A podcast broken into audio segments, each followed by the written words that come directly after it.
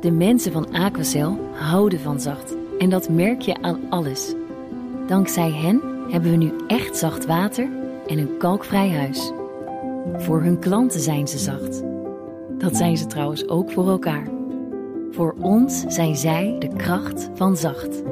Aquacel. 100% zacht water, 100% kalkvrij. Cryptocast wordt mede mogelijk gemaakt door BitTonic. Al tien jaar lang de Bitcoin-autoriteit van Nederland. Blijf scherp.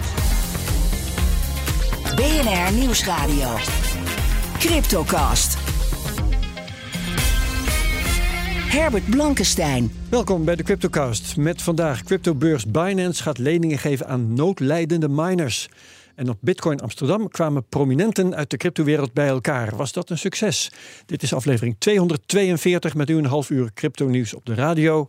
En daarna gaan we door met een podcast opgenomen op datzelfde Bitcoin Amsterdam. Waarin we met Bitcoin-helden Tuur de Meester, Aaron van Weerdum en Peter Slachter de stand van Bitcoin bespreken. Maar nu eerst in gesprek met ja, alleen maar Daniel Mol. Hoi. Hallo Herbert. Als co-host. Want alle gasten hebben we naar het tweede deel uh, geschoven dat Zeker. we eerder hebben opgenomen. Die ja. kunnen hier nu niet ook allemaal tegelijk zijn. We gaan het gewoon met z'n tweeën doen. En we geven met z'n tweeën geen beleggingsadvies. Vorm je eigen mening. Uh, maak je eigen keuzes en geef ons niet de schuld. Crypto kan lucratief zijn, maar is ook riskant. Goed. Uh, Daniel, redacteur bij Cryptocast en BNR Digitaal. Um, we gaan het hebben over cryptobeurs Binance. Cryptobeurs Binance gaat leningen verstrekken aan noodlijdende miners. Die hebben blijkbaar moeite om het hoofd boven water te houden door de lage koersen van de afgelopen maanden. Is het ook echt zo? Nou, het is wel zwaar. En het is, uh, uh, daar komen we zo nog wel op, uh, dat het voor miners misschien wel extra moeilijk is. Maar het is geen makkelijke tijd nu. Nee, zeker nee. niet. terwijl ik dacht dat het altijd um, automatisch in orde kwam. Want als mining moeilijker wordt, ja, dan gaan dan miners mee ophouden. Dan leiden ze misschien wel nood, maar dan stoppen ze er maar mee. En dan wordt het lucratiever voor de overblijvende miners en komt het weer goed. Ja, precies. Maar nu wil, wil Binance dus echt uh, dat, er, dat er niemand omvalt en dat iedereen blijft bestaan. En daardoor gaan ze leningen uitdelen. Oké, okay, dat roept de vraag op: waarom wil Binance dat er niemand omvalt? Wat is hun uh, ja, belang daarbij? Ja, eigen belang is het vooral. Uh, ten eerste hebben zij geld. En dat willen ze heel graag uh, wegzetten. En uh, het is misschien in de cryptomarkt nu niet zo makkelijk meer om, om je geld uh, zinnig te investeren. Ja, of misschien juist wel, want het is, een, ja. het is een bear market. Maar in ieder geval, het gaat om 500 miljoen uh, met 5 tot 10 procent rente leningen. Nou, dat, mm -hmm. is, dat is best een prima uh, verdienmodel. Ja, maar dan moet je dat nodig steken in bedrijven die nood lijden. Dat is riskant, toch? Dat is, weer. ja, nou ja, ze, precies. De, de, er staat risico tegenover. Maar ik denk dat het voor Binance vooral heel belangrijk is om het ecosysteem gezond te houden. En miners passen daarbij. Uh, want als er één partij uh, profiteert van een gezond crypto-ecosysteem, is Binance het wel. De grootste exchange ter wereld. Ja, oké. Okay, um... Uh, 500 miljoen dollar uh, tegen een procentje of, uh, of, of 10 rente. Um, maar die miners um, die zitten in de problemen door de uh, gedaalde koersen en de energieprijzen. Hè? Is dat het of zijn er nog meer factoren? Um, nou ja, het is inderdaad, het, die dalende koersen, dat is gewoon echt heel pijnlijk. Want dat is gewoon, dat raakt direct het verdienmodel, namelijk coins minen ja. van die miners. Maar wat ik nog extra, wat ik al zei, ik vind het, het is extra moeilijk voor miners, omdat uh, de rekenkracht op het netwerk wel gewoon doorstijgt. Je zou zeggen, mm-hmm. nou ja, oké, okay, uh, we hebben een moeilijke markt, het gaat niet goed, dan zullen er wel miners afhaken. Dat is misschien ook wel zo.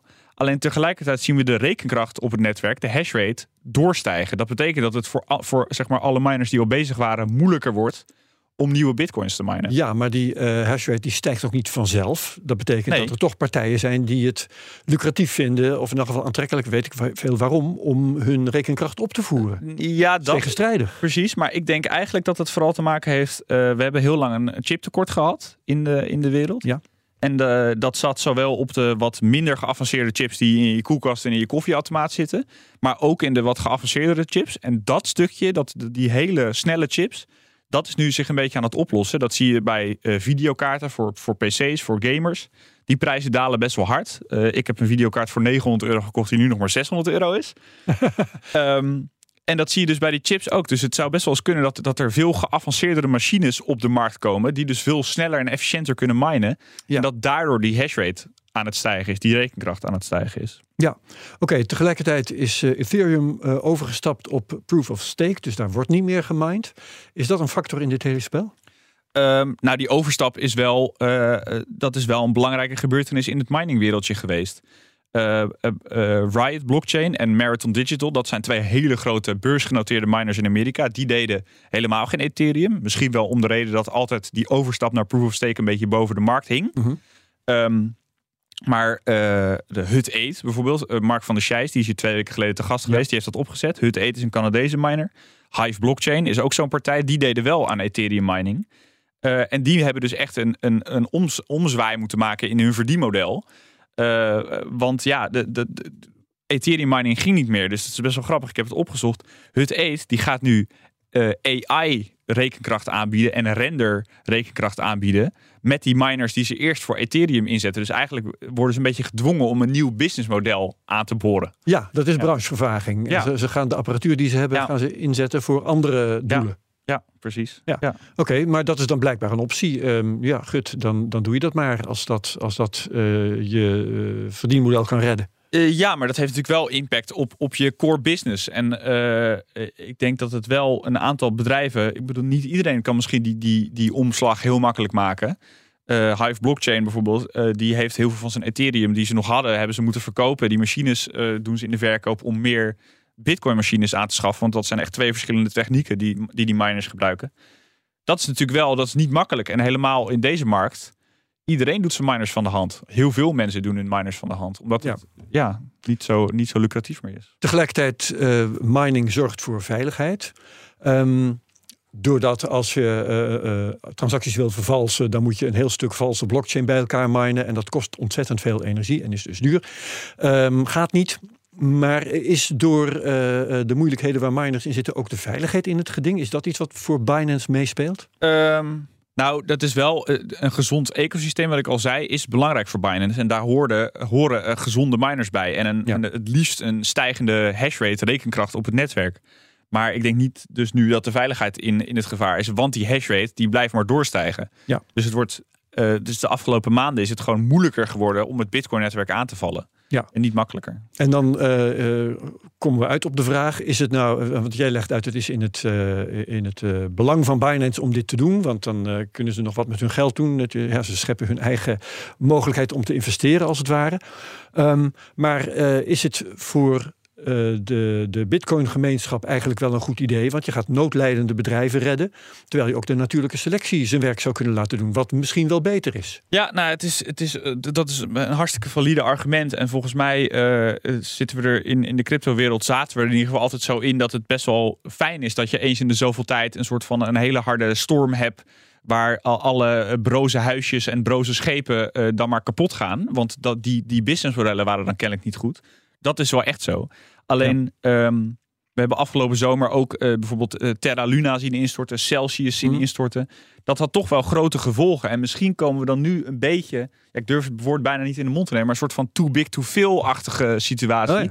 Waarin we gewoon, waarin Binance het zich niet kan veroorloven om een Riot blockchain of een Marathon Digital of een andere grote partij die in, die in de problemen zit, een andere grote miner, om die failliet te laten gaan. Misschien zijn we daar nu al, dat weet ik niet. Maar ik denk dat het daar iets mee te maken heeft. Ja, oké. Okay. Uh, eh, aan de andere kant, uh, als je her, je herinnert hoe het in China is gegaan. In China knikkerde alle miners uh, het land uit. Of in elk geval mocht niet meer in China. Ze moesten stoppen en zijn ergens anders opnieuw begonnen.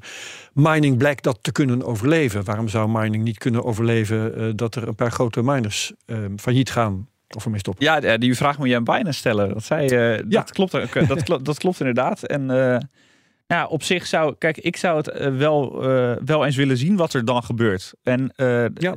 op zich, Celsius, Celsius dat failliet gaat, dat is dan echt wel pijnlijk. En die markt daal, die daalt dan heel hard. Eigenlijk, de, de, de, bij Bitcoin ging er 20% vanaf of zo. dat, was, dat was echt wel pijnlijk. Alleen dat businessmodel klopte gewoon niet. Dus dan is het misschien beter liever kwijt aan rijk in dit geval. En als dat bij miners ook zo is, die dan niet die hele goedkope kosten of niet uh, dicht bij uh, duurzame energie zitten, waardoor het extra goedkoop is. Als, zij dat, als, als een bedrijf dat dan failliet gaat, dat niet heeft, dan misschien moeten we, er, moeten we blij zijn als we er vanaf zijn. Ja, precies. En dit wordt ook niet de laatste uh, crypto-winter die we gaan meemaken. Hè? Dus als, als ze nu er doorheen worden gestuurd, ja. komen ze misschien de volgende keer wel in moeilijkheden. Ja. Dat zien we dan wel weer.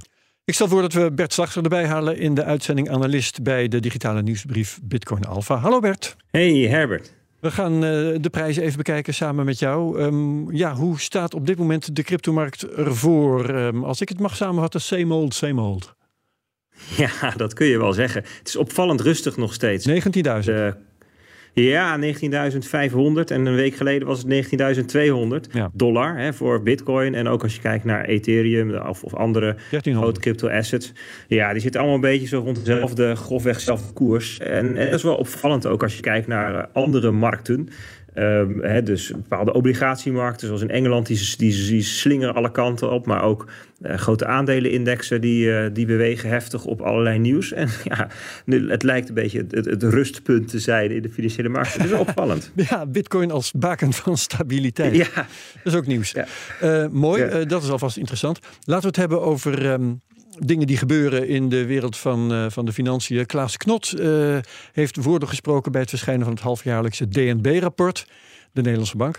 Hij spreekt over een ongekende economische situatie waar we in zitten. Um, ja, er zijn wel redenen voor. Hè? Inflatie, rente, schulden, recessie, oorlog, energie heb ik allemaal even genoteerd. Dat, uh, maar hoe ongekend is dat eigenlijk? Ja, ja hij, hij, hij heeft het over dan, specifiek noemt hij de combinatie van ja. torenhoge inflatie, afzwakkende groeivooruitzichten en oplopende rentes. Mm -hmm. dus op zichzelf zijn al die dingen um, niet eens per se heel problematisch, maar zo die combinatie daarvan zegt hij dat is een ongekende situatie. En, en zelfs als je naar die combinatie zou kijken, dan zou je zeggen van nou daar hebben we nog wel wat instrumenten tegen.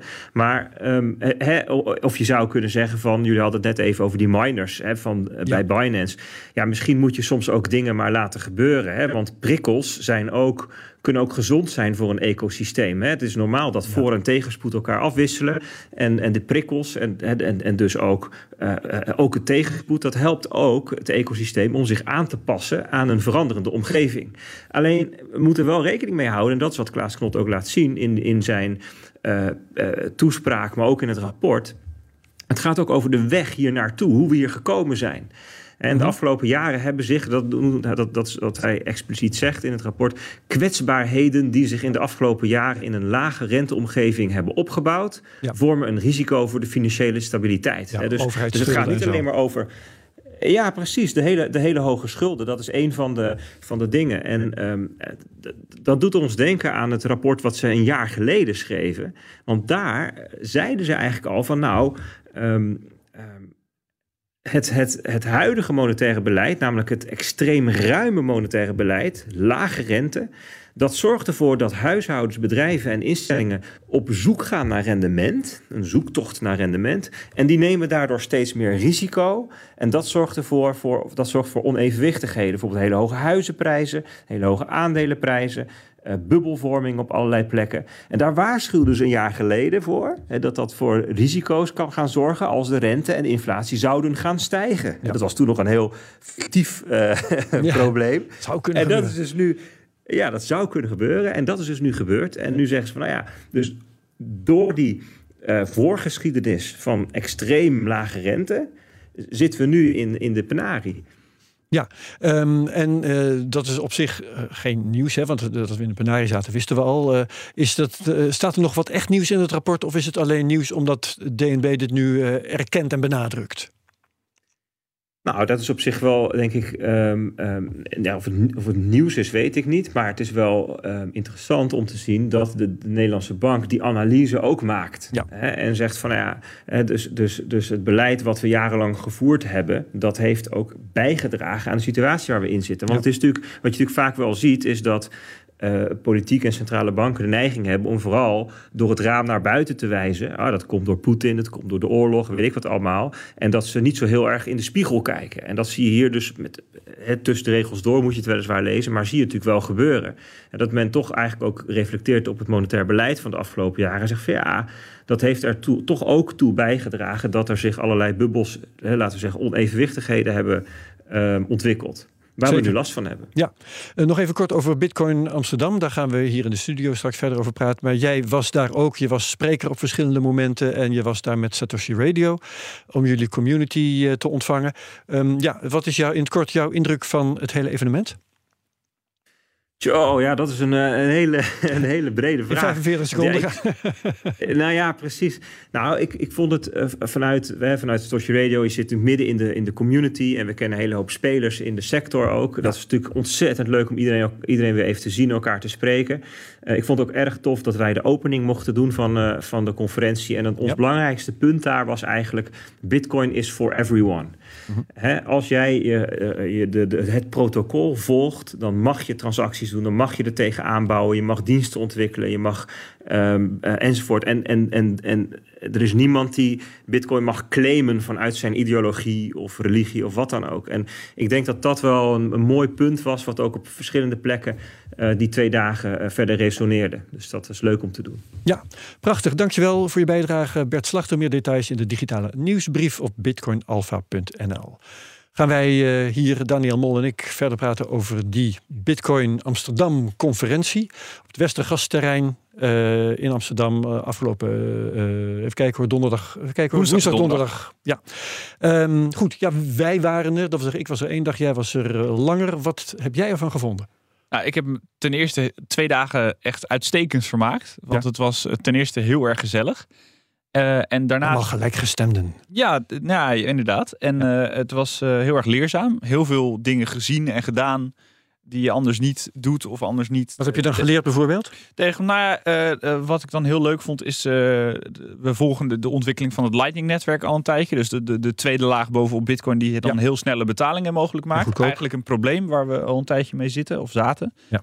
Um, dat, dat werkt al een aantal jaar. Ik heb al heel wat biertjes uh, afgerekend met, met Lightning. En dan is het geld, hè? Ja. Precies. Ja, en nu, en nu uh, waren er dus een paar knappe koppen. Die hebben dus uh, NFC-kaartjes. zeg maar zoals je onze bankpas en Apple Pay ook werkt.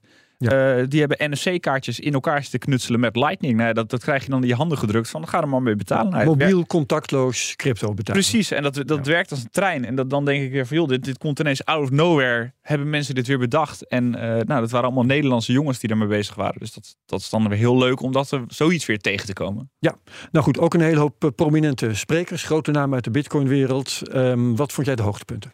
Ehm, nou, niet zozeer eigenlijk die prominente namen uit de Bitcoin-wereld. Die heb ik een beetje. Uh, ik heb het hoofdpodium niet altijd uh, heel veel in de gaten gehouden. Uh, twee hoogtepunten voor mij waren de Struggle for Freedom. Dat was een gesprek met een Leopoldo Lopez, een gevlucht politicus uit Venezuela. nou ja, daar gaat het al een tijdje niet zo goed. Daar is nu ook echt hyperinflatie aan de gang. En dat was vroeger een, een hartstikke rijk land. en die vertelde eigenlijk heel indringend hoe dat, hoe dat is gegaan en hoe dat steeds erger is geworden. Ehm, hoe uiteindelijk uh, mensen hun eten gewoon niet meer kunnen betalen omdat die inflatie zo heftig is. Dat was een heel indringend gesprek. En in diezelfde straat um, was een panel dat heette Bitcoin is borderless. En daar gingen uh, vier panelisten uit uh, Kazachstan en Belarus en Rusland veel dieper in op de rol van Bitcoin die, die, die Bitcoin speelt in hun werk voor hun mensenrechtenactivisme, om het zo maar te noemen. Pro-democratie. Ja. En uh, nou, een vrouw vertelde bijvoorbeeld dat zij, uh, dat zij uh, volgens mij door Belarus was dat op de Interpol-lijst was gezet. En dan kan je dus niet meer gebruik maken van het bankaire systeem. En zij heeft dus bitcoin gebruikt om gewoon te overleven, om eten te kopen. Ja, nou, dat zijn dan hele indringende verhalen die toch wel fijn zijn om Zeker, en meteen een weerlegging van het frame dat eh, bitcoin er alleen maar is voor speculatie bijvoorbeeld. Absoluut, absoluut. Oké, okay, um, nou heb je wel meer conferenties in de digitale wereld. Bijvoorbeeld DEFCON hè, over security in Amerika. Of de, CCC, de Chaos Computer Club conferenties uh, van uh, de club van die naam in Duitsland. En als die er zijn, dan regent het nieuws over privacy, over security, over nieuwe producten, nieuwe lekken enzovoort, nieuwe software. Ehm, ik heb daar hier niet zoveel van gemerkt. Waarom regent het geen crypto-nieuws ten tijde van zo'n conferentie? Ja, in, nou, in de algemene pers. Hè? Eh, klopt. Uh, er, er is natuurlijk een, een, een andere, de, eigenlijk de, de Amerikaanse tegenhanger van deze conferentie. Uh, Bitcoin Miami heet dat dan. Dat is echt de grote beurs waar alles gebeurt. Daar werd uh, destijds ook de aankondiging gemaakt dat El Salvador ging overstappen op, op, op Bitcoin als wettig betaalmiddel. Um, en hier, dit was eigenlijk veel kleiner van opzet. Er waren volgens mij 3000 mensen, terwijl er in Miami 30.000 rondliepen. Mm, Terwijl het wel van dezelfde uh, organisator is. Dus ik denk dat ze. Bitcoinmagazine.com. inderdaad, het, echte, het echte nieuws bewaren voor Amerika. En de, dit hier als een soort uh, eerste project zien. En uh, ja, misschien komt het nog ooit. Ja, oké. Toch werd het door de deelnemers heel geslaagd gevonden. Er was alleen niet zoveel discussie. Hè? Er, veel zelf felicitatie en elkaar bevestigen. Ja, en die indruk hadden wij tijdens het evenement. Ik zeg wij, maar dat is een beetje de mensen met wie ik iedereen, waar ik het heb meegemaakt. Overigens ook met Bert Slachter, die we net aan de lijn hadden. Ja. Ehm, die indruk hadden we ook al een beetje op de conferentie. Het viel een beetje tegen. En de, de indruk die ik een beetje kreeg is dat de Amerikanen, die dit dus grotendeels organiseren. Het is een Nederlandse organisator, maar de, de line-up komt van de Amerikaanse kant. van Erne trouwens, hè, die we een paar weken geleden is hier in de show geweest, maar die had dus eigenlijk weinig te zeggen over de line-up Ja, ja. als sprekers. Dat die Amerikanen dat fijn vinden. Dat er, dat er lekker eensgezind over bitcoin wordt gesproken. En dat er, dat, ja, eh, het FD schreef volgens mij veel doemdenken eh, werd gedaan. En er werd openlijk gespeculeerd over het vallen van de euro. Toen ik dat artikel las, toen had ik zoiets van ja, ik heb dit helemaal niet meegekregen. En dat wordt op het hoofdpodium is dat echt wel geroepen. Dat geloof ik direct. Alleen, eh, ja, ik, ik maakte dat niet zo mee. Maar Jij was het niet wel, eens met die verslaggeving. Daar heb Nee, je op ik- Twitter nog een punt van gemaakt. ik, ja, maar ik weet wel dat het inderdaad, het was een beetje een, ja, hoe noemen we dat dan, een echo chamber. Misschien wel. En dat is jammer. Oprecht. Ja, oké, dan moeten ze misschien volgende keer eh, eh, proberen wat aan te doen. Ehm, ja, al met al geslaagd. Nou, ik ben eigenlijk wel heel erg eh, tevreden. En ik, ik hoop gewoon dat, er, dat we een tweede editie gaan krijgen. Eh, dat ligt natuurlijk aan of de Amerikanen ons eh, de- deze zegen willen geven. Ja. En ja, ik, volgens mij was het gewoon een hele geslaagde editie. Volgende keer iets meer critici op het podium, AUB. Eh Nigel Farage kunnen we gewoon dan weglaten. ja, die, Eh, ja niet. en dan, dan kunnen we echt wel eh, volgens mij een heel mooie conferentie ook in Nederland organiseren. Ja. Want iedereen was laaiend enthousiast. Dat We gaan zo naar de podcast. Tenminste, wie zin heeft, kan die podcast zo direct gaan, gaan beluisteren. Waarom moeten mensen dat doen, in jouw ogen? Nou, we hebben een hele gave podcast opgenomen met, met eh Tuur de Meester, Aaron van Weerdem en Peter Slachter. Dat zijn echt, nou, je zei het in je intro al, Bitcoin helden. En we Ja. hebben de hele staat van Bitcoin. Hoe staan we er nu voor? Hoe staat de crypto-wereld en eigenlijk vooral Bitcoin er nu voor? Hebben we helemaal doorgenomen met een, met een aantal onderwerpen. En dat, dat is een heel mooi rond gesprek geworden. Ja, Ja. oké. Dankjewel Daniel Mol, mijn co-host en ook redacteur van de Cryptocast zelf, ook van BNR Digitaal. Eh, wie meegaat naar die podcast, heel graag tot straks. Wie het zo wel genoeg vindt, is ook prima. Heel erg bedankt en graag tot volgende week bij de Cryptocast op BNR. Cryptocast wordt mede mogelijk gemaakt door BitTonic. Al tien jaar lang de Bitcoin-autoriteit van Nederland. De mensen van Aquacel houden van zacht. En dat merk je aan alles. Dankzij hen hebben we nu echt zacht water en een kalkvrij huis. Voor hun klanten zijn ze zacht. Dat zijn ze trouwens ook voor elkaar. Voor ons zijn zij de kracht van zacht. Aquacel. 100% zacht water, 100% kalkvrij.